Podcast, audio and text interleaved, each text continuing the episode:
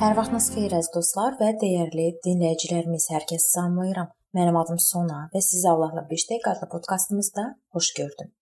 Bir neçə görüş biz texnologiyalar, əqidələr və yerli imanlar cəmiyyəti haqqında danışacağıq. Yerli imanlar cəmiyyətlərimizin bir çox üzvü texnoloji yeniliklərə və onlardan istifadə üsullarına müxtəlif cür yanaşır.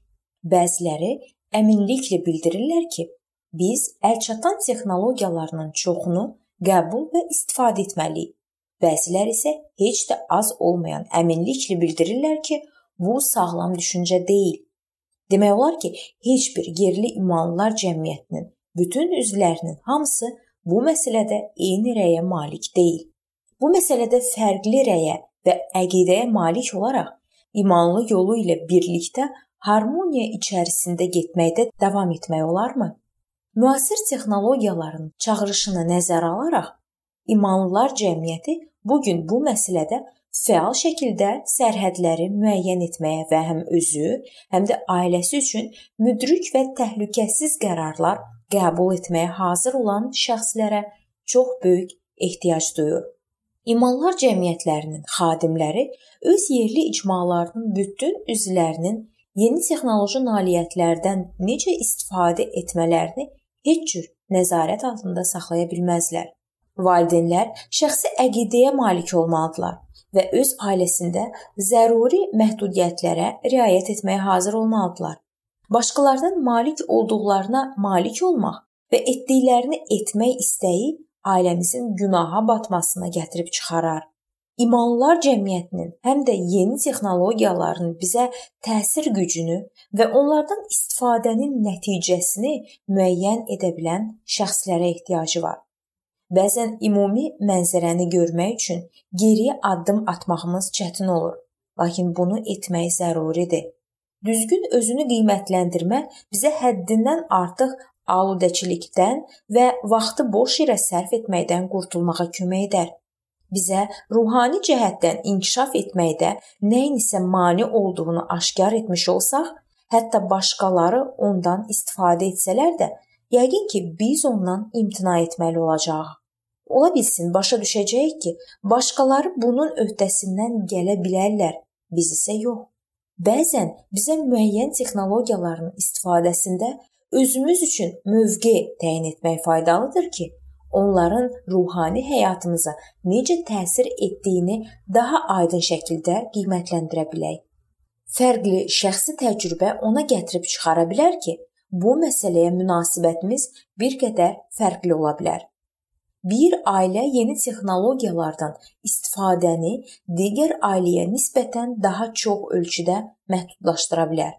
Bəziləri informasiya texnologiyalarının çoxundan imtina edə bilərlər və başqalarının bunlardan fəal şəkildə istifadə etməsini görmək onlar üçün xoş olmaz. Digərləri isə əksinə hətta bu barədə heç düşünmədən son yeniliklərdən fəal şəkildə istifadə edirlər. Düşüncələrdə bu cür fərq yerli imanlar cəmiyyət üzvləri arasında birlik və sülhün qorunmasında çox vaxt sınaq olur. İlk məsihçilər də sünnət və qanuna riayət etmək kimi mübahisəli məsələləri həll etməli olublar.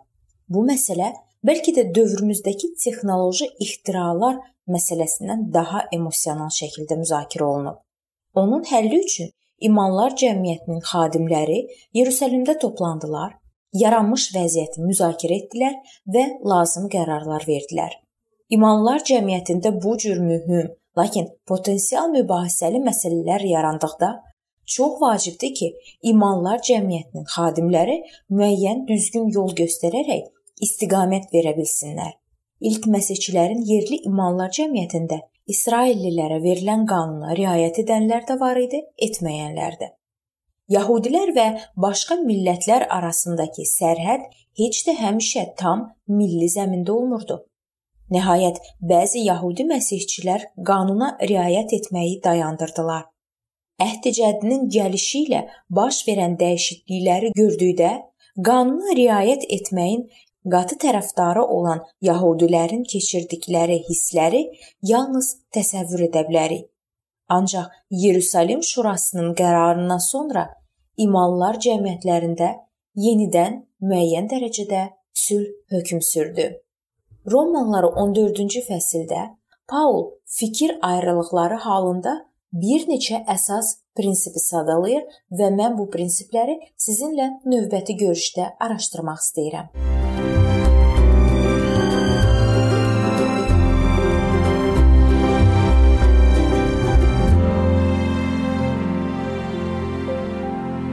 Beləliklə əziz dostlar, bu yerdə bu mövzu sona çatdı.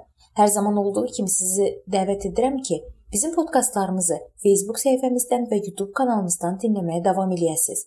İndi isə mən sizinlə sağollaşıram və növbəti görüşlərdə görmək ümidi ilə sağ olun, salamat qalın.